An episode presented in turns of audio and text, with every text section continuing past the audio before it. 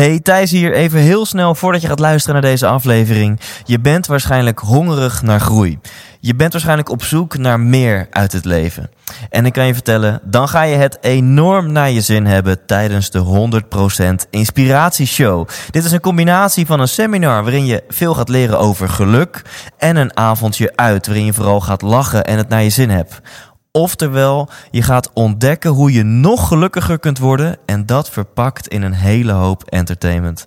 Kaarten, die kun je kopen op thijslindhout.nl. Alle vorige shows waren volledig uitverkocht, dus als ik jou was, zou ik er snel bij zijn. Heb je zin in een avond uit, vol inspiratie? Neem je partner, je collega's, je vrienden en vriendinnen mee en koop nu je tickets op thijslindhout.nl. Mijn naam is Hein Noordman en je luistert naar de 100% Inspiratie Podcast.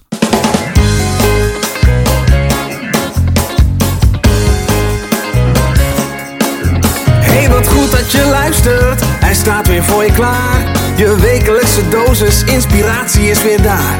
De allerleukste gasten geven al hun kennis prijs. Met je veel te blije host, hij praat je bij. Zijn naam is Thijs. Thijs,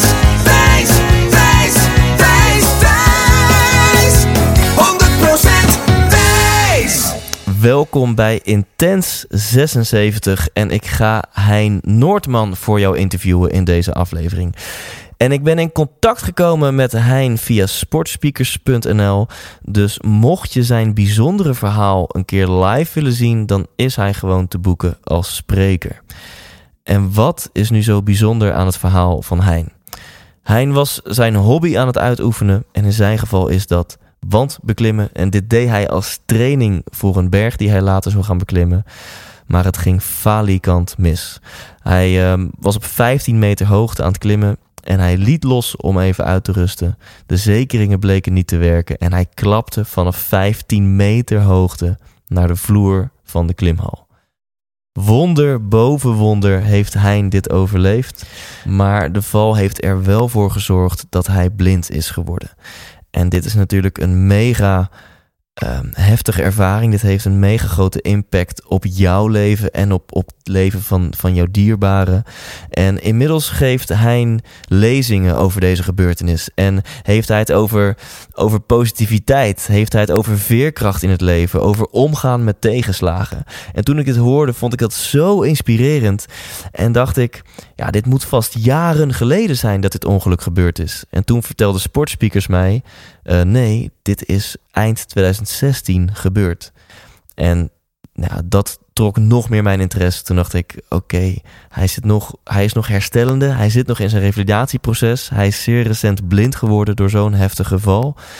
Um, ik wil deze man spreken. Als hij nu al in staat is om hier veerkrachtig mee om te gaan, om hier het positieve van in te zien, dan, uh, dan wil ik deze man interviewen en, en van hem persoonlijk horen hoe hij met zo'n ijzersterke mindset met deze situatie omgaat. En uh, ja, daarom ga ik afreizen naar Hein en hem deze vragen stellen. Ik ga hem ook vragen naar zijn succes um, als ondernemer en zijn succes in zijn persoonlijke carrière. Hij is onder andere ook directeur van uitzendbureau Olympia geweest. En vooral wil ik het met hem hebben over deze tragische gebeurtenis, hoe hij ermee omgaat en welke tip hij voor jou en mij heeft om om te gaan met tegenslagen in het leven. En wat het trouwens extra bijzonder maakt, is dat zijn val heeft plaatsgevonden op 14 november 2016. En dat betekent dus dat deze podcast online gaat precies een jaar na zijn val. En um, ja, des te interessanter om Hein te spreken, te horen hoe het met hem gaat en te leren wat hij, eh, wat hij ons heeft te vertellen. Ga ervoor zitten. Hier is Hein Noordman. 100% wijs! Ik zit hier in de, in de huiskamer bij Hein Noordman en uh, ik had het al aangekondigd. De eerste vraag aan jou, wat wil je worden, Hein, als je later groot bent? Wat ik wil worden, wat ik later, als ik groot ben, daar heb ik twee antwoorden op. Eentje van voor mijn ongeluk en eentje daarna. Daarvoor had ik altijd de droom om helikopterpiloot te worden in de, in de Alpen. Dat vond ik altijd zoiets geweldigs. Ik heb een paar keer mee mogen vliegen en dat vond ik zo spectaculair. Wauw. Dus ik had altijd van als ik later groot ben, dan uh, wil ik dat. Uh, als je het me nu vraagt, dan uh, wil ik uh, graag een inspiratiebron voor anderen zijn. En dat geldt zowel voor mijn gezin als voor mensen daarbuiten. En is die droom dan veranderd omdat helikopterpiloot er nu gewoon niet meer in zit? Of is die droom veranderd ehm, omdat zo'n heftige gebeurtenis jou, eh, ja, jou tot nieuwe inzichten heeft geleid? Het tweede. Het ehm, eerste vond ik altijd wel spectaculair, maar dan merk je op een gegeven moment ook dat als de kick even achter de rug is, dan, dan is het ook zeg maar, dagelijks rondvliegen. En de ene dag is mooi weer, de andere is minder. En het tweede is nu meer door de situatie waarin ik zit, waardoor je gedwongen bent bij jezelf naar binnen te kijken. Eigenlijk merkt hoe makkelijk je in gesprek komt met anderen. En in hoeverre het interessant is ook om uh, gedachten te delen. Een inspiratiebron nu al te zijn voor anderen. Nou, daar kan ik alleen maar in groeien en in ontwikkelen. En dat is heel boeiend. Dus het, het een is, als je dat zou bereiken, dan dat zou misschien een kick geven. Een Mhm. kortstondig geluk. Mhm. Je merkt andere mensen inspireren. Ehm, dat is misschien een iets duurzamere vorm van geluk. Ja, dat is een, een, een vorm die je jezelf ook nog op hoge leeftijd ziet doen. En daarin altijd blijft ontwikkelen. Ja. Dus niet alleen anderen laten ontwikkelen, maar ook jezelf blijven ontwikkelen en jezelf blijven scherpen. En eh, hier gaan we zo nog wat verder op in, wat er dan is gebeurd en eh, ook eh, welke inzichten jij daar, daaruit hebt gehaald. Mhm. Ehm, laten we teruggaan naar het begin. Als een, een juffrouw aan een zes jaar oude Hein vroeg wat wil je worden als je later groot bent, was dan ook je antwoord helikopterpiloot? Nee, toen was het, mm, was het brandweerman, denk ik. Kijk, nou, dat, En mijn moeder heeft ooit ook gezorgd dat toen wij, denk ik, zes, misschien iets ouder waren, met een aantal vriendjes op mijn verjaardag naar een brandweerkazerne mochten. En in een brandweerauto zitten met een helm op en alles erop en eraan. Dus dat was ook geweldig. dat, dat, dat is hem niet geworden. Je Nee. bent ondernemer geworden, of in elk geval het bedrijfsleven ingegaan. eh, directeur onder andere van eh, Olympia geweest, Mhm. uitzendbureau. Ehm, ik weet, veel van mijn luisteraars zijn achievers. Die zijn ook ondernemer of ondernemend en die willen het meest uit het leven halen. Ehm, nou, jij hebt dat niet onverdienstelijk gedaan. Je bent best wel succesvol eh, geworden. Kun je daar eens wat over vertellen? Eh, het is dus geen brandweerman geworden, maar kun je eens wat vertellen over jouw pad naar, eh, eh, naar ondernemer toe? En ja, ik heb eerst een opleiding communicatie gedaan en ben toen via een automatiseringsbedrijf, wat onderdeel was van de holding van Uniek destijds, in de uitzendbranche gerold. En het interessante daarvan vond ik dat je zelf een heel dominant deel was in het, eh, in het succes en in het zaken doen. En het wel of niet laten lukken van eh, de deal waar je mee bezig bent als kind denk je niet, eh, ik wil later in de uitzendbranche, want dat is, dat is Ja. iets. Ja, de, de- Dat ken je niet. Dat ken je niet en dat denk je, ja, wat, moet ik daar nou mee? Ja. Terwijl als je er één keer in zit, is het een heel boeiend vak en, en een heel veelzijdig vak. Waarbij de mensfactor, en niet alleen omdat je bemiddelt in mensen, maar de mensfactor bepaalt heel erg of je wel of niet zaken doet met elkaar. En dat is interessant, want daar kun je in alle aspecten rekening mee houden. In je selectie, in je opleiding, in je begeleiding van mensen, in de omgang met je klanten. En dat, is, dat blijft boeiend. En, en wat heb jij ervan geleerd, van, van de mensfactor? Poeh, dat is een brede vraag. Ehm, nou, wat ik ervan geleerd heb, ehm, is dat we allemaal, denk ik, hier in het Westen heel druk bezig zijn te stellen wat we allemaal graag willen. Nee, je vraagt het zelf, en wat wil je laten worden? Wat Ja. wil je laten zijn? Ehm, eigen ambities en eigen, eigen eh, wil door te zetten. Ehm, en dat dat ook heel veel verwachtingen oproept bij jezelf. En dat dat eerder belemmerend is dan stimulerend is voor jezelf. Ehm, je kunnen opstellen, en dat heb ik later gemerkt, niet je eigen doelen voorop te stellen, maar eigenlijk, hé, hey, wat, wat wil ik nou met een team bereiken? Wat wil ik nou met een organisatie bereiken? Meer in zelfvertrouwen te gaan ehm, over je eigen positie en daarmee anderen ten dienste te zijn, dat dat veel effectiever is dan heel hard bezig te zijn of je zelf die volgende positie krijgt of dat volgende eh, doel bereikt. Ja, dat is En interessant. Dus je zegt eh, actief bezig zijn met je eigen doelen. Dat kan eerder belemmerend werken dan dat het motiverend werkt. Ja, ik heb gemerkt dat het eerder demotiverend werkte dan motiverend. Ja. En dat merkte ik heel nadrukkelijk. Um, wij waren op een gegeven moment uh, bezig om onze eerste lijnsmanagers uh, te ontwikkelen. En we hadden het idee aanvankelijk om ze een uh, MBA te laten doen. Wat je ziet is dat je vaak veel mensen om je heen hebt met een hoge mate van kennis. En een MBA is natuurlijk ook het vergroten van kennis, maar dat wil niet zeggen dat je veel mensen hebt met een hoge mate van wijsheid. En als je betere managers wil krijgen, dan wil je niet alleen slimmere mensen krijgen, maar je wil ander gedrag. Ja. Uh, je wil voorbeeldgedrag, je wil uh, uh, mensen met een mentale weerbaarheid, met een mentale vitaliteit. En dat krijg je niet door ze in een klas te zetten. We hebben toen bedacht om de mensen naast het geven van onderdelen die in een MBA zitten, die te geven. Dus inderdaad wel in de klas te, te ontwikkelen. Ja. Maar daarnaast uit hun comfortzone te trekken. Um, en een enorme uitdaging uh, te geven. En dat hebben we gedaan door de mensen als doel uh, te stellen met zoveel mogelijk van het team de top van de Mont Blanc te bereiken. Wauw.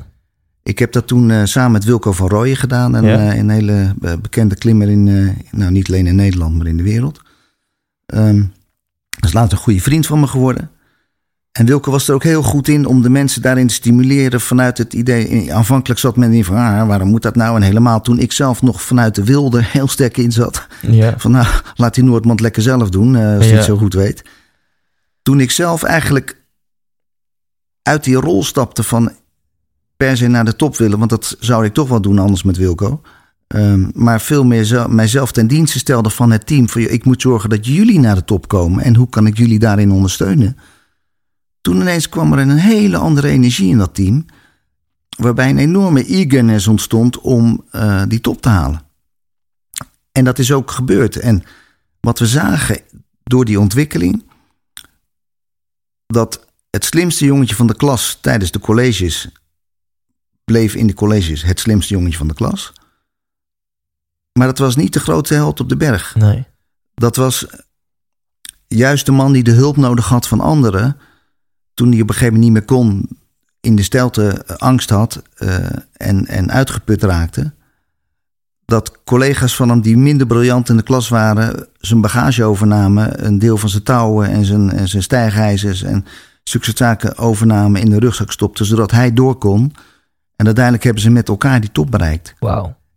En wat het mooie daarvan was, is dat zonder dat het nou een vriendenclub uh, moest worden, het een heel sterk team geworden is en ook nog jaren daarna gebleven is.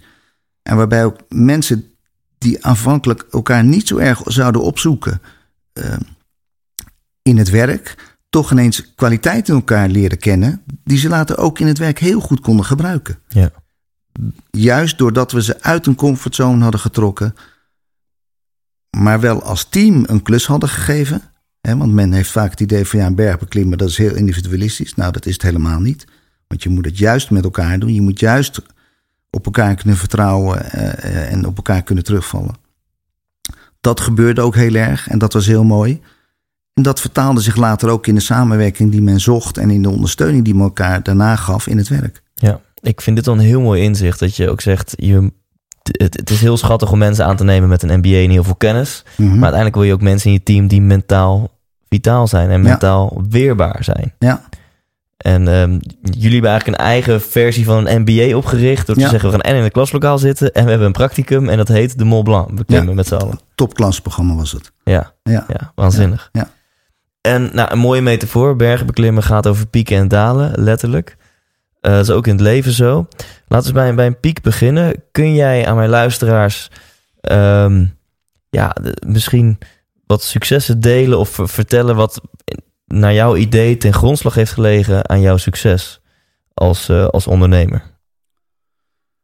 Um, ik, ik ben van huis uit een uh, enorme draafganger en ook wel een, een doordouwer. Ja, dat is het Nederlandse woord ja, voor draafganger. Ja. een doordouwer. En, en uh, ja, wat ik, wat ik heel graag wilde, dat, dat ging ik ook doen. Um, ik heb gemerkt door de jaren heen dat ik mijn belangrijkste managementlessen niet in de collegebanken of uit de managementboeken heb gehaald, maar tijdens het klimmen heb geleerd. Bijvoorbeeld een mooi voorbeeld dat ik uh, op een gegeven moment in de Alpen aan het klimmen was. En dat was voor mij een relatief steile klim. En ik uh, op een gegeven moment uh, aan het voorklimmen was... en ik voelde dat het stuk rots niet goed vast zat. En ik had zoiets van, oh shit, ik ga vallen. En op zo'n moment dat je heel snel een, een systeem van crisismanagement in jezelf losmaakt waarop je heel snel keuzes gaat zoeken van wat kan ik doen om dit te voorkomen. Dat gaat echt in een split second. Um, dat heeft me later in, in uh, het bedrijfsleven ook geholpen. Op momenten dat je denkt van ik, ik ga niet verder, hoe gaan we het doen? Ik, uh, we raken dingen kwijt of wat moet er gebeuren? Dat los kunnen laten en toch heel snel naar andere oplossingen kunnen zoeken en daar dan ook naar gaan handelen. Ja. Um, en dan ook nog, je hebt dan een nieuw doel gesteld, maar dan dat je kort daarna soms weer die doelen moet bijstellen, omdat die route eigenlijk toch wat anders blijkt te zijn dan je aanvankelijk hebt gedacht. Dus niet heel sterk te gaan zitten in verwachtingen, maar sterk te gaan zitten in nou, dichtbijzijnde doelen. mooi om een, om een uh, doel op de horizon te hebben. Maar het is belangrijk ook voor mensen, je medewerkers, die te kunnen vertalen naar, ja, maar wat moet ik dan morgen anders doen of morgen gaan doen om, dat, om daar een bijdrage in te kunnen hebben? Dus eh, door als, als passie, als grote hobby naast jou, jouw werk uh, klimmen te hebben Mhm. en dat vaak te doen, heb je gek genoeg daarin misschien nog wel grotere managementlessen geleerd dan, uh, dan in het bedrijfsleven. Ja, ja, het heeft me absoluut geholpen. En wat natuurlijk ook scheelt is dat ik het altijd heel erg leuk heb gevonden om te, om te klimmen. En, en ja, je hobby en je, en je sport, uh, ja. daar, daar zoek je dan ook graag uh, oplossingen in. Dus misschien redeneer je voor jezelf er ook wel naartoe. Maar Mhm. het heeft mij in elk Ja, wel ja. geholpen, ja. En, en zit hier een concreet advies in voor, voor mensen die luisteren? Zeg je van, nou ja, hè, is het advies, het is gewoon heel goed om naast je werk een andere bepaalde hobby of passie te hebben? Of, Ja, nou, dat is, het is sowieso goed je denk ik niet helemaal te laten uh, wegzakken in, in het dagelijks werk en daarin te verdrinken. Want daarmee mis je vaak wel uh, de metavisie die je af en toe nodig hebt om te kijken van hé, hey, neem ik nog de goede keuzes? Ja. Um, ja, er is nog nooit iemand geweest die op zijn sterfbed ge heeft gezegd ik ben wat te weinig op de zaak geweest. Ja. Um, want je, je, de, de, het gevaar is altijd heel erg dat je je toch laat wegzuigen door, door ja, de dagelijkse beslommeringen. En, de, en, Mhm. de, uh, en de, vaak wat je merkt is dat de dringende dingen vaak niet de belangrijke dingen zijn. Ja. En veel van de belangrijke dingen zijn dan weer wat minder dringend. Dus in jouw geval werkte het in elk geval heel relativerend. Ja. Om ook daarnaast een, een grote passie te hebben. Ja, en, en het heeft me ook geleerd is dat inderdaad weg te blijven uit verwachtingen. Ik heb geleerd dat verwachtingen mensen vastzetten. Mensen die verwachten later een bepaalde pensioengerechtigde dingen te hebben. Of bepaalde eh, zaken die ze dan bereikt hebben. Of uh, posities die ze bereikt hebben. En dat zet mensen vast. Ja. Als je doelen stelt. En dat mogen best hele ambitieuze doelen zijn. Dan geeft dat actie, dan geeft dat energie. En dan hangt het natuurlijk ook nog vanaf. Hè, de een is uh, uh, flexibeler in het kunnen bijstellen van doelen. Maar doelen haalbaar stellen en ook klein kunnen maken. En daar kan ik later nog even wat over zeggen. Hoe mij dat geholpen heeft ook in uh, mijn situatie na mijn ongeluk. Ja. dat helpt enorm. Ja. Nou, we hebben het inderdaad al een paar keer eh, genoemd. Je, je ongeluk.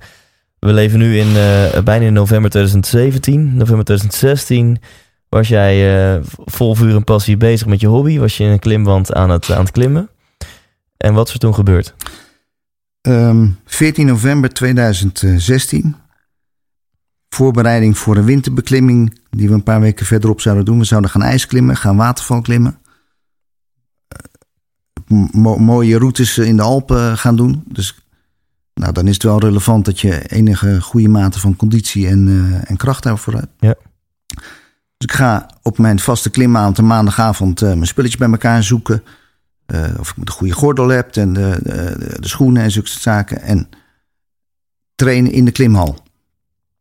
Het verschil met klimmen in de bergen en de klimhal is dat in de bergen je van tevoren sowieso al gaat kijken... wat zijn de weersverwachtingen? Hoe is de, eh, de sneeuw eh, eh, lokaal? Hoe is de, de, de, de ijssituatie? En allemaal zulke soort zaken meer Ja. heel erg eh, beoordelen. In een klimhal is natuurlijk een hal, laat ik zeggen, die kunstmatig geprepareerd is. Dat is zo'n hal met allemaal van die gekke greepjes en, een touw wat van de top naar beneden komt. Ja. Dat is ook een verschil met in de bergen, want dan moet je zelf de zekeringen leggen. En in een klimhal loopt hij van boven naar beneden. Ja. Dus ik ga die avond klimmen. Mijn klimmaat is er al met zijn vrouw. En eh, nou, op het moment dat ik binnenkom, eh, zie ik hem haar eh afzeilen. En ik, nou, ik doe mijn gordel om en ehm, bind het touw in. Ik zie dat hij nog gezekerd is. Ze waren al even bezig, dus ze waren al met een route met een overhang erin. Dat betekent dat is een route die, je- waarbij je eigenlijk een stukje ondersteboven moet eh, klimmen. Nou, dat is vaak als, eh, als route om mee te beginnen niet het, eh, het meest spierzeker om te doen. Ja. Maar goed, we zaten daar, dus we gingen erin. Ik heb me ingebonden en begin aan de route. Ik ga klimmen, klimmen. En kom op een gegeven moment op een meter of 15. Ben door die overhang heen geklommen. Maar begin daar toch wat te verzuren. En ik moest nog een paar meter doorklimmen naar de top. Nou, 15 meter, dat is ongeveer vijf etages hoog. Dus ik wilde even in het touw hangen. Hij roept naar beneden blok. En blok is het signaal van trek het touw strak, want ik moet eh, even gewicht erin hangen.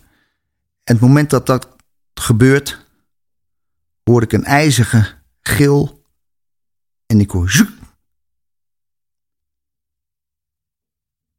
Kabam! En daarna verdween ik in een diepe droom, andere wereld. Mm. En dat bleek geen droom te zijn, maar dat bleek een vijf weken durende coma te zijn. Oh. Want ik ben van 15 meter toen naar beneden geklapt. En nou, van dat moment zelf, dat ging in zo'n split second, daar wist ik niet of nauwelijks maar weer wat van. Het enige wat ik nog weet is dat ik die ijzige gil hoorde. En toen was het over. Wat bijzonder dat je nog van een paar tienden voordat je de grond hebt geraakt, want je hebt nog iemand horen gillen, dat je dat nog zo goed kan herinneren. Ja, het gek is dat zulke soort beelden, net, net zoals soms ook een, een soort een flash, dat ik, alsof ik heel snel bijvoorbeeld grond dichterbij zie komen. Dat, dat komt af en toe als een flits, komt dat, komt dat terug. Ja.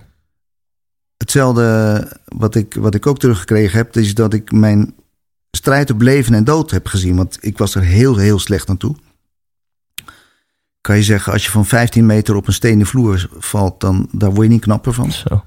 Ehm, dus ik had mijn, mijn voet verbrijzeld, mijn knie gebroken, bovenbeen, eh, open beenbreuken, mijn ellebogen verbrijzeld, mijn polsen, mijn handen gebroken. Ehm, mijn gezicht was ongeveer met 2,5 centimeter gewoon helemaal, helemaal weg. Ehm, dat zijn een paar breuken die ik noem, maar al, alles was wel gebroken wat je maar kon bedenken. Ehm, en ik, ik zit heel even te denken waarom ik dit nu zo vertel. Ehm, en dus, dus het was heel, heel erg dubieus ehm, Mhm. of ik het wel of niet zou halen. Ja, want je, je zei het vijf, die droom, dat was geen droom, dat was een coma van vijf Ja. weken. Dat heb jij dus niet eh, bewust meegemaakt. Nee. Eh, los van wat, wat beelden achteraf. Kun je ze net wat vertellen over die vijf weken? Ehm, hoe, hoe is dat geweest? Wat zeiden de chirurg? Hoe was dat voor jouw eh, dierbaren? Dat was, laat, laat ik met de laatste groep beginnen. Dat was immens zwaar natuurlijk. Want iedere dag, eigenlijk vanaf, vanaf de eerste dag dat ik op de intensive care lag, tot, tot vijf weken daarna, nou bijna dagelijks, werden mijn vrouw en mijn kinderen gewaarschuwd bij iedere dag dat ze weer weggingen. Van nou, houd er rekening mee dat het zeer wel mogelijk de laatste keer is dat je afscheid neemt. Want wij achter de kans eigenlijk wel heel erg klein dat hij het overleeft. Ehm, ik heb dat zelf natuurlijk niet zo meegemaakt, maar Mijn vrouw heeft gelukkig het doorzettingsgevoel gehad ook van hij gaat dat verdorie redden.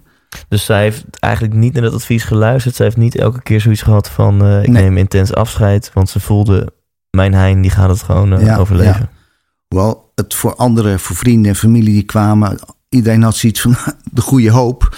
Maar het zag er heel, heel slecht uit. En ik heb zelf ook in die tijd, ik heb natuurlijk, eh, ja, ik heb beelden, eh, gek genoeg, uit de tijd dat ik in, op de intensive care lag. Ik heb enerzijds een, een beeld, een, een visioen van dat ik mijzelf heb zien vechten op leven en dood. Ik zag mezelf op een bergtop staan. En aan de overkant, er was een kloof tussen, hele diepe kloof tussen. En aan de overkant van, er was er weer een top. En er stond mijn vrouw met kinderen. En daartussenin zwiepte zo'n slap koord, een, een touw, eh zwiepte zo heen en weer. En zij stonden daar aan de overkant. Hein, Hein, papa, papa, kom maar, kom maar. Kom dan, kom hier, hier moet je toe. En ik keek naar beneden. En daar beneden was het heel, heel, ja, inkt zwart-blauw. En dat was de dood. Ik had het gevoel van, nou, ik ga stappen over dat koord. Ja. En dat begon te zwiepen en ik, dat lukte niet, dat lukte niet. En opnieuw proberen, opnieuw proberen. En ik, ik dacht, nou ja, naar beneden laten vallen is eigenlijk heel makkelijk. Het doodgaan was eigenlijk, en dat is waarschijnlijk ook de situatie geweest dat ik iedere keer op het randje van doodgaan heb gestaan. Dat was heel gemakkelijk. Maar naar de overkant komen, dat lukte maar niet, dat lukte maar niet. En dat heeft heel lang geduurd. En dat heb ik ook heel veel keer teruggekregen. Totdat ik uiteindelijk het idee kreeg om niet naar de overkant te lopen, maar op mijn buik te gaan liggen op de touw en als een militair naar de overkant te schuiven. En ik in mijn armen genomen werd door mijn familie. En wat ik weet is dat ik bij ben gekomen en toen heel snel zei: Kom, we gaan. En dat was half in een droom, half wakker. Waarna ik een arts hoorde zeggen: Nou, dat dacht ik even niet. Want ik ga u vertellen wat uw situatie is. En hij vertelde mij dat ik die vijf weken in coma had gelegen. Monsteroperaties had gehad van 12 uur, van 16 uur. En ook nog te gaan had. En dat dat nog steeds niet zeker was dat ik het zou gaan redden. Dus het- wat ik me nog wel goed herinner, het moment dat ik bij was, dat er toen zes artsen in de kamer stonden. En ik had nou, als er twee staan is het al dubieus. Maar als er zes staan, dan denk je van nou, hier is wel wat aan de hand. Ja. Ehm, zij toen zei van nou, als je nou nu jij afscheid neemt van je gezin, doe het heel bewust. Want nog steeds vrezen wij dat het de laatste keer gaat zijn.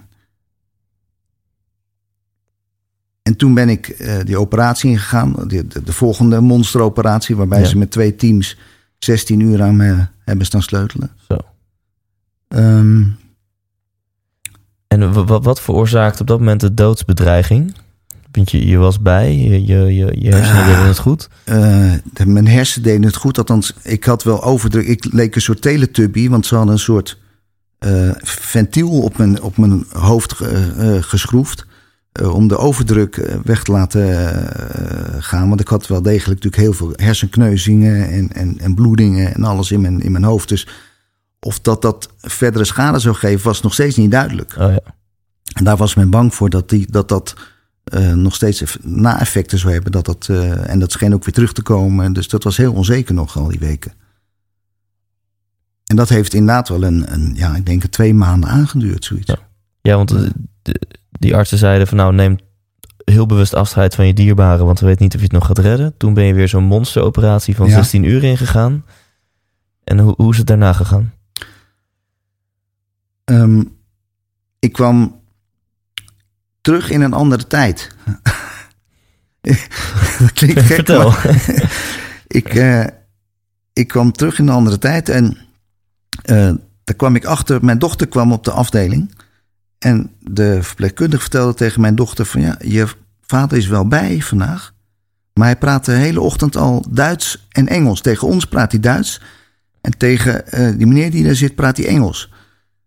En ik had de overtuiging dat ik gepakt was door een Duits bataljon. De verpleging, dat waren de Duitsers. Daar moest ik een beetje vriends mee blijven, omdat ik daar vast zat. En een vriend van mij die erbij zat, dat was een Engels militair. En samen moest ik met, met hem vluchten. En zo kwam ik uit een, uit een soort delier, denk ik. eh, en kwam ik bij dat ik uiteindelijk merkte dat ik niet eh, in 1942 leefde, maar in eh, 2016. Wauw.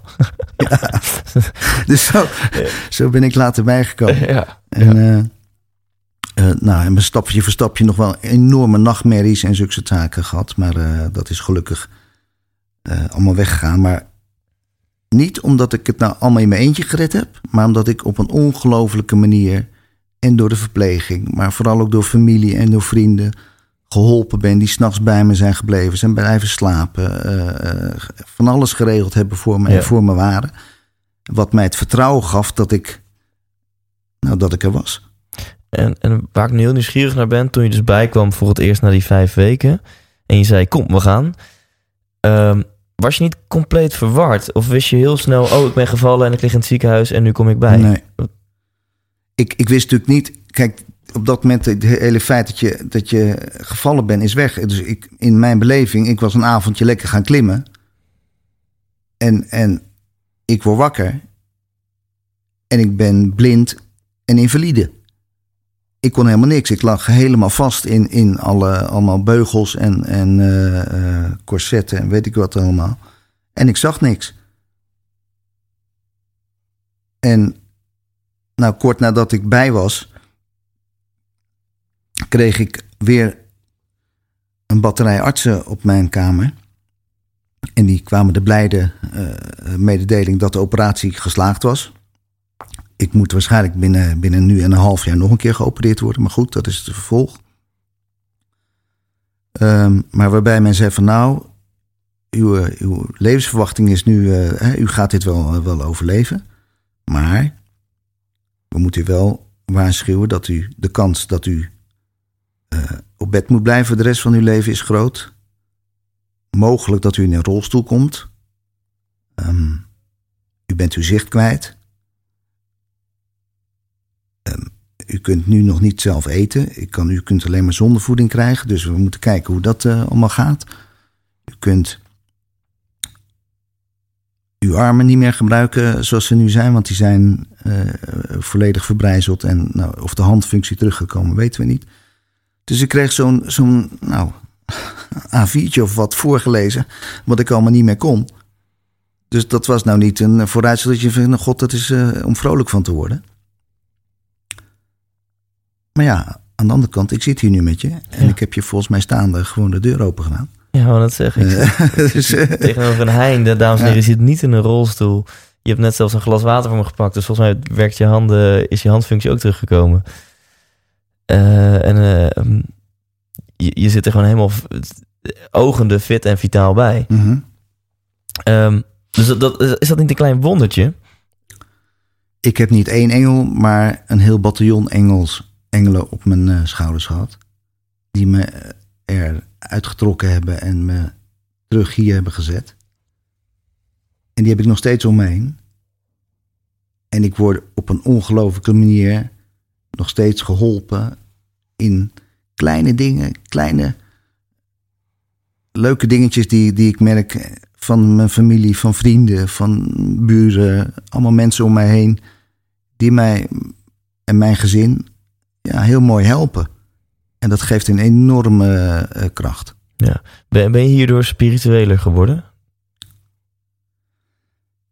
Ik hoorde laatst een mooie uitspraak van iemand. Die zei: Gelovige mensen geloven in de hel. Spirituele mensen zijn er geweest.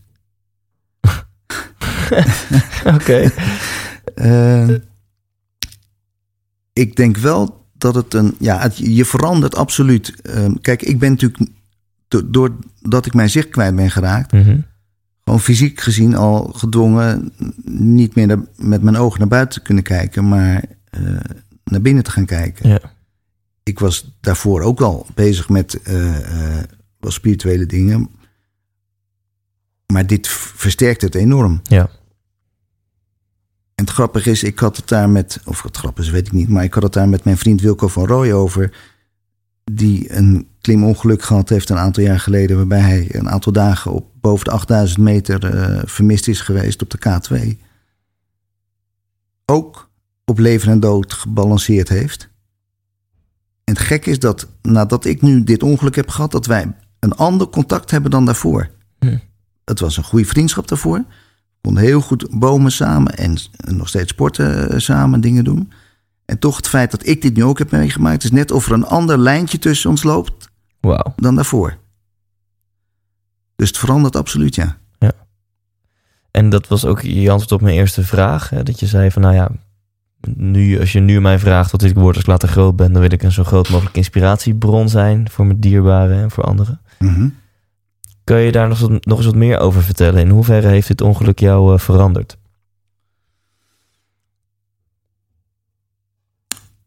Ja, het heeft me fysiek natuurlijk heel sterk veranderd. Kijk, wat, wat mij nu eh, eh, is overkomen. Ja, de vraag is altijd of je dingen overkomen of dat je dingen aangaat. Hm, ja. Ehm, dat ik eigenlijk van het een op het andere moment alle zaken waar ik mee bezig was in het leven, je bedrijf, je, je, eh, eh, je relaties, eh, nou, noem alle, alle praktische dingen maar op in het leven. ja. In één klap, wat? Gestopt, weg. Ja. Hè? Ik, ik kan het bedrijf niet meer runnen wat ik, wat ik had. Ik zie mijn vrouw en mijn kinderen niet meer. Mhm. Ehm, ik, ik ben nu bijna een jaar verder. Nog steeds, men zegt nog steeds aan het begin van mijn revalidatie. Ehm, dus heel veel praktische dingen eh, kun je niet meer. Je, je mobiliteit, je, je zelfbeschikking ben je kwijt. Je, je hebt voor alles iemand nodig om je, om je even op weg te helpen. Zelfs als ik een luisterboek wil luisteren, moet ik iemand hebben die mijn oortjes opzet. Want ik kan niet nog door mijn ossificatie eh, met mijn handen bij mijn, eh, bij mijn hoofd komen. Dus de meest lullige dingen ja. heb je iemand voor nodig. Ehm, en gek genoeg, het is een beetje wollig antwoord wat ik nu, nu, nu geef op je vraag wat het me veranderd heeft.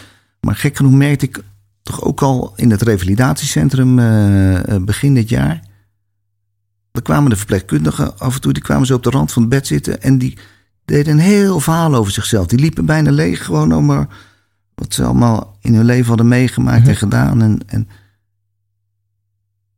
en terwijl ze mij eigenlijk helemaal niet zo goed kenden. Ja. Ehm, maar blijkbaar maak je iets los bij iemand in de situatie waarin ik zit. Mogelijk ook wel omdat ik mensen niet kan zien en daarmee een andere kant, ja, misschien van mezelf wel laat zien. En mensen eh, zich makkelijker aan mij tonen, Mhm. zich minder bekeken voelen.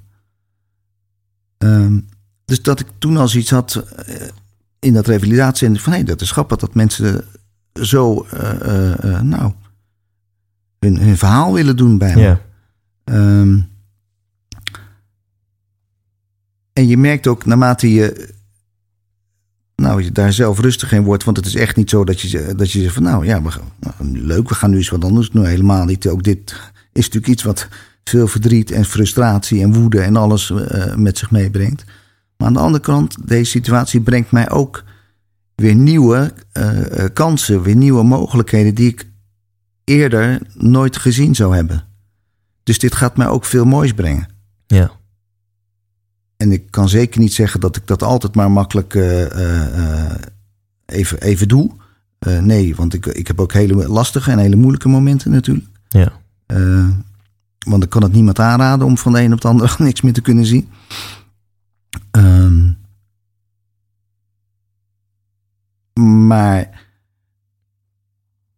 het, het, ik merk wel dat, dat laat ik zeggen, alle, je, je kunt als, als directeur van een bedrijf of als manager meters managementboeken lezen. ja. Maar uiteindelijk maakt het niet zoveel uit of je de helft leest, een kwart of, of nog, nog meters daarbij. Het is veel belangrijker dat je zelf in vertrouwen durft te, terug te zakken. En er durft te zijn, er kunt zijn voor anderen. En anderen laten stralen en laten groeien. En daar aan bij te dragen. En niet bezig te zijn of je zelf misschien wel de eh, bovenste haan blijft eh, eh, op de piramide. Mhm.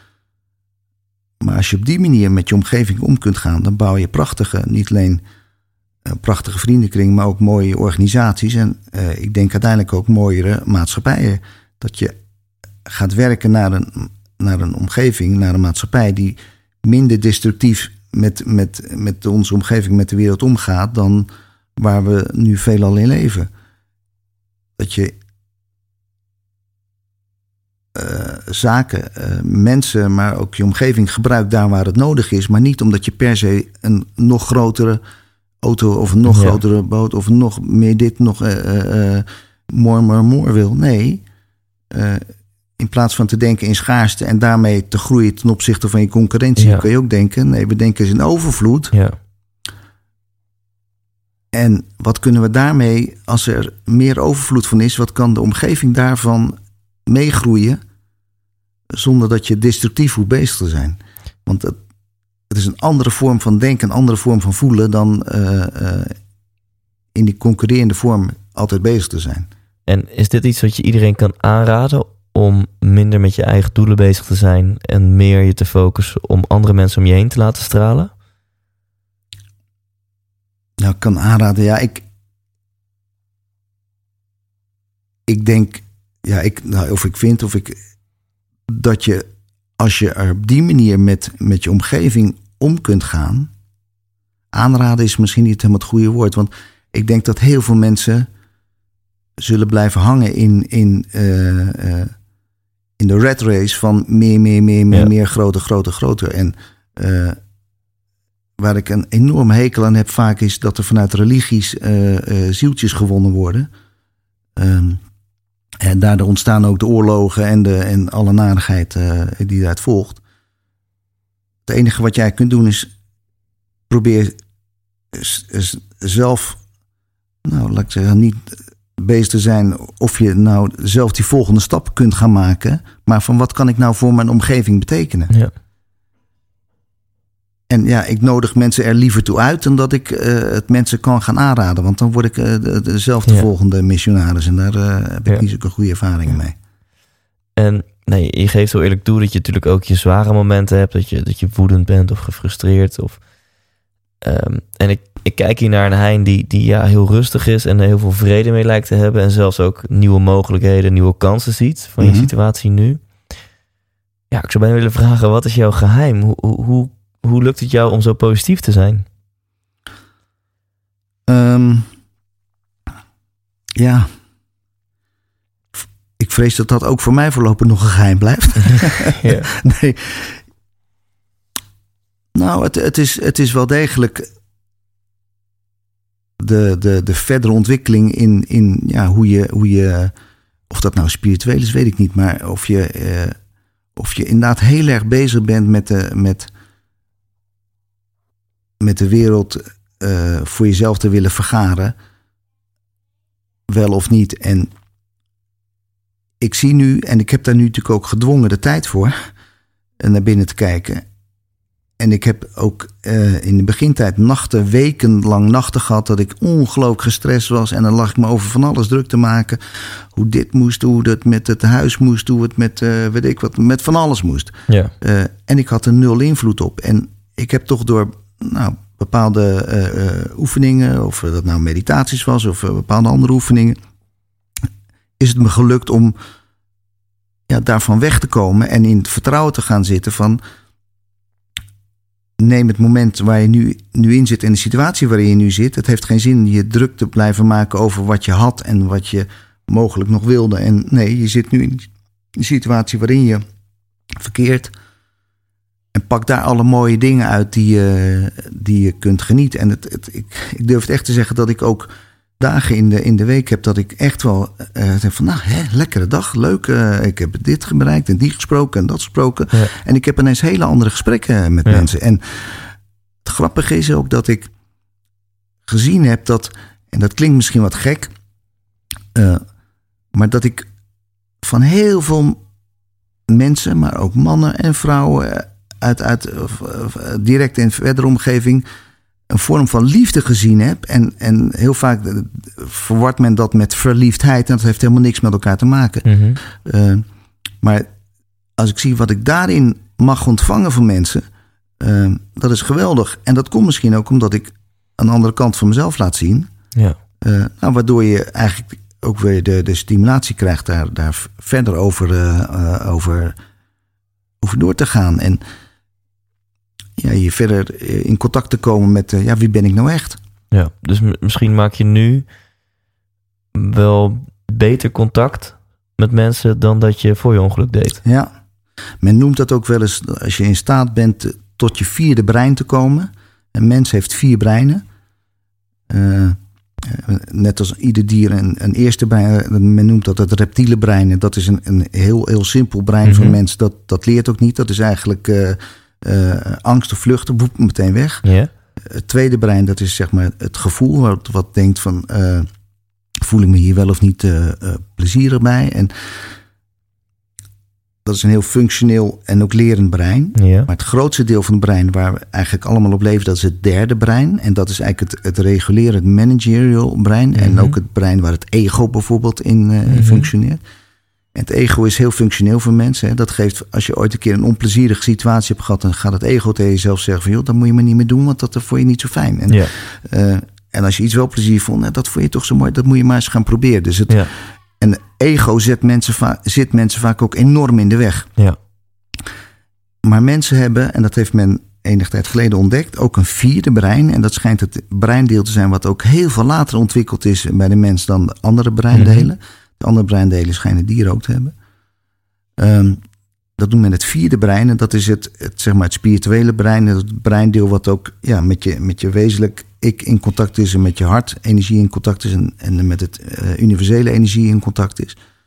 En er is maar natuurlijk een beperkt aantal mensen wat ja, de wil heeft en de Ja. ruimte zichzelf geeft om daarmee in contact te komen. Maar Ja. lukt het om daarmee in contact te komen, dan kun je natuurlijk vaak makkelijker loslaten van ego en van, van eh, eh, status en noem Ja. alles maar op. En dat zijn vaak de zaken die je vastzetten of, of eh, ja, beperken in je, in je denken en in je visie. En ehm, jij hebt nu meer contact met je vierde brein dan, dan voor je ongeluk. Ja. Ja, en vraag niet hoe het kan.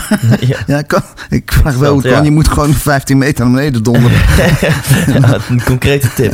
Nee, ehm, maar ik, ik ehm, hoorde het echt aan je, aan je verhalen dat je inderdaad echt geniet van hoe je nu ehm, ja, echt, echt heel innig contact kan hebben met mensen. Zelfs met, met vreemden, zoals verplegers. Mhm, Ik zie echt aan je dat je er heel erg van geniet. mhm.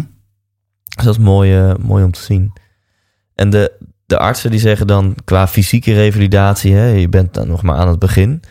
Natuurlijk ook zoiets als een mentale revalidatie of, of traumaverwerking.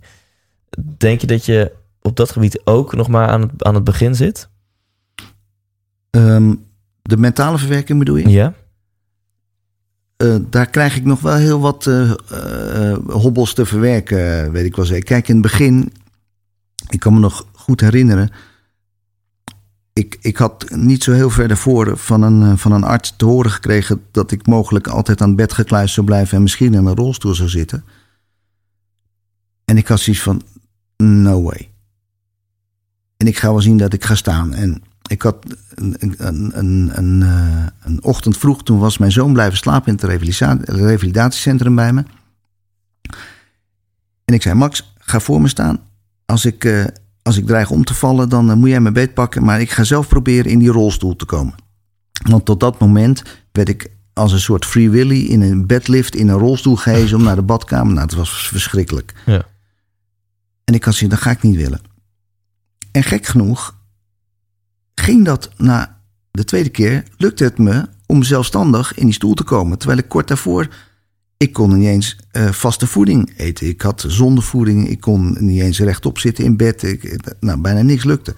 En ik kon gaan staan. Dus dat was een euforisch moment. Ja. En, en ik denk een anderhalve week, dus ik ben wat, wat gaan staan en zitten weer en staan. En eh, nou, dat was natuurlijk geweldig. En kort daarna, ik weet nog wel dat ik toen van de, van het toilet afkwam en in die rolstoel. En ik hoorde zo bij mijn kamer, hoorde ik wat verpleegkundigen een beetje babbelen. En eh, ik zei, jongens, even aan de kant, ik ga even een rondje lopen. Nou, iedereen wist mijn situatie, dus Mhm. er werd eh, een beetje hoongelach. En eh, er was één verpleegkundige, Ron, weet ik nog zijn naam. Die was stil die lachte niet en die bleef bij me. En zei hij, wij gaan twee rondjes rond je bed lopen. En hij heeft me bij mijn hand genomen. En we hebben samen voetje voor voetje twee rondjes rond mijn bed gelopen. Ik moet zeggen, ik heb in tranen mijn vrouw gebeld. Ik kan weer lopen, ik kan weer lopen. Want dat was natuurlijk op dat moment zo'n ongelofelijke eh, eh, sprong die ik, eh, die ik maakte. En waarom ik dit vertel is dat ik in die periode natuurlijk... Ik kon op een gegeven moment die zondevoldoening loslaten. Ik kon, ik kon ineens allemaal dingen wel. Mhm. En in begintijd gaat het hard. En naarmate het langer duurt, gaat het steeds langzamer. Dus de stapjes worden steeds kleiner. Ja. Dus ik kom, denk ik, als ik misschien nu een jaar verder ben... of misschien nog wat verder weg dan, dan twee jaar... kom je in een fase waar, waarbij het gewoon wordt... dat je in de situatie zit waarin je zit. Ja. En ik nu nog heel erg leef vanuit het idee van... dit gaat straks beter en dat gaat beter, zus gaat beter. Ja, en dat ik in een fase gekomen dat ik ga leren... dat het, het niet meer beter gaat worden. Ja. En uh, Ja, dat is dat, een, dat is een, eh, een, eh, ja, een, een, een periode die heel erg lastig nog gaat worden. Ja. En die zal ik zeker moeten overwinnen. Ja. Maar het gaat wel lukken. Wel goed dat je dit, eh, dat het je ooit verteld is, of dat je zelf al het inzicht hebt van nou, hè, nu hou je heel veel energie en positieve energie uit het feit van ik kan steeds weer dingen. Telkens van die euforische momenten. Eh, en je bereidt je alvast voor op een periode dat je moet gaan accepteren van ja, dit is het. Ja. Maar wat ik ook geleerd heb nu. En dat merkte ik destijds ook al, maar dat merkte ik nu natuurlijk wel omdat ik in een hele eh, extreme situatie zit. Dat het niet de, de vergezichten zijn die je energie geven, maar het zijn de kleine succesjes die je ja, aangereikt krijgt of die je kunt delen met iemand, of de kleine doelen, zeg maar Ja, die je haalbaar eh, maakt met de mensen om je heen, die maken dat je eh, de energie krijgt. Ja. En dat geldt natuurlijk als je in een, in een eh, gewoon leven zit, maar misschien in een reorganisatie of in een faillissement of in een ontslagronde, noem maar, noem maar op. Het zijn inderdaad niet de, de vergezichten die je de energie geven, maar de korte doelen die je, je mensen het, het energieniveau geven wat je nodig hebt om er door te komen. Ja. En dat is ook wat ik wel geleerd heb met klimmen. Ehm, het kunnen bijstellen van de doelen en niet inderdaad een, een top van 8000 meter van dat doe ik even. Nee, iedere, ieder kamp wat je haalt is een, is een, Ja. eh, is een feest. dus het proces is veel belangrijker dan het, Ja. dan het doel. Ja, ja. Mooi.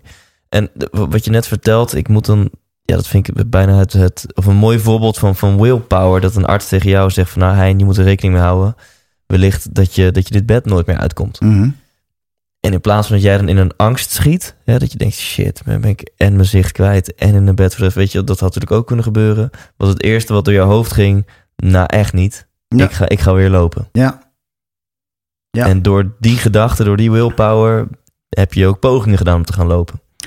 Nou ja, dat is natuurlijk de, de, de geest die, die je lichaam natuurlijk heel veel energie geeft. Ja, Je, je kunt inderdaad in een passiviteit terugzakken en, en, in, en in je verdriet terugzakken. Eh, wat ook heel begrijpelijk is dat, dat dat bij mensen gebeurt. Maar dat, dat draait je uiteindelijk in een, in een mogelijk zelfs wel depressieve rol. Dat eh, het leven allemaal te zwaar en te, en te moeilijk eh, is. Of je kunt jezelf inderdaad in een energieniveau zetten. En dat lukt door die, door die kleine doelstellingjes eh, die, die je iedere keer haalt. En die, die kleine succesjes die je, die elke keer haalt. Waarmee je het om kan draaien. En door te zeggen, ja shit, shit, dit is waardeloos. Ik voel me nu niet lekker. Nou, dan kan ik op bijvoorbeeld nu een mooi voorbeeld op de bank blijven liggen. En, en me de hele dag rot voelen. Of zeggen, nee, ik ga wat doen. Ik ga zorgen dat ik, eh, eh, dat ik eruit kom. En grappig genoeg, omdat je in beweging komt, werk je dat gevoel weg. Ja. En werk je jezelf naar een positieve modus. Ja. En gaat er meer lukken. Ja. Ja, en ineens, eh, ik heb echt niet, weet ik wat voor krankzinnige dingen allemaal gedaan. Maar het, het gaan staan en het kunnen gaan lopen. ja, er was geen hond geweest die, dat, die gedacht had dat ik überhaupt ook maar dat ging. Maar het ging wel lukken. Waanzinnig. En. Nou, het, het meemaken van, van shit, om maar zo te zeggen, is inherent aan het leven. Eh, dat maakt iedereen mee. Eh, in mindere of meerdere mate. Ehm, heb jij misschien een boodschap aan, aan andere mensen, mensen die luisteren en die dus ook een moeilijke periode hebben of hebben gehad, of mensen in hun omgeving? Mogelijk meerdere boodschappen. Ik, ik heb hem Ja, eh, volgens door. mij al. ik heb hem volgens mij al, al het afgelopen interview al genoemd. Ja, wat ik, wat ik heel sterk merk. Als je los kunt komen van verwachtingen die je ges- gesteld zijn of jezelf stelt. En waarmee je eigenlijk plaatjes gaat inkleuren. waarvan je hoopt dat ze zo zullen zijn zoals je gepland hebt. Mhm. Dat geeft negativiteit en frustratie. Als je die los kunt laten. En verdere doelstellingen kunt vertalen naar kleine doelstellingen. Dan geef je dat energie en dan geef je dat kracht om ook lastige hobbels die je gaat, gaat krijgen in het bereiken van dat verdere doel. Om dat toch te gaan halen. Ja. En dat kan je naar heel veel dagelijkse eh, praktijken eh, eh, terugvertalen. Zowel privé als ook zakelijk. Eh, er is geen ene organisatie die uiteindelijk de, de, de, de planning haalt die ze aanvankelijk eh, gesteld hebben financieel. Mhm. Maar als je in staat bent die doelen iedere keer weer bij te stellen en daar toch iedere keer weer een feestje van te maken dat het wel lukt, dat het anders loopt en dat toch weer lukt, dan zul je zien dat die resultaten heel veel mooier zijn dan het aanvankelijke eh, plan wat je gemaakt hebt. ja. Nou. Die mentale veerkracht is heel belangrijk. Dat, dat is wat heel veel brengt je. Eh, tot slot is er nog een vraag die ik jou had moeten stellen, maar die ik jou nog niet heb gesteld. Wanneer ik weer ga klimmen. en wanneer ik ga auto en autorij heb ik al gedaan. Dat was. eh, ja. Vertel. ja. Dat was, dat was op, een, eh, op een afgesloten park, dat moet ik wel zeggen. Maar mijn vrouw zat ernaast. Ik achter het stuur. En het was eh, voor haar geloof ik spannender dan voor mij. Mhm. Maar eh, ik heb inderdaad een paar kilometer gereden. Een paar kilometer. Ja, En, en, en zij gaf aan. zij links, gaf aanwijzingen. links. Links, een beetje links, rechts. Ja, en zo doorrijden. Wauw. Ja, dat was erg leuk. gewoon voor de fun. Ja, Ja. en gewoon voor de fun. En, en een vriend van mij is nu bezig of ik misschien een keer met een McLaren op het circuit van Zandvoort nog een keer ga rijden. En dat hoeft niet op topsnelheid, maar het gewoon te doen is wel erg leuk. Wauw. Nee, wat had je. Nee, wat, wanneer ik weer ga klimmen. Nou, ik heb Ja? samen met Wilco al eh, een plan om eh, met, een, eh, met een ploegje weer een keer een 4000er te gaan doen. Ehm, Oh, ook, ik, ik denk je begint even klein, maar nee, gewoon meteen. Ja. Nou ja, nou, ik, ik- daar ben ik fysiek gezien op het ogenblik nog niet aan toe. Dus ik moet eerst nog verder revalideren en nog een paar keer geopereerd worden. Maar we gaan het wel doen.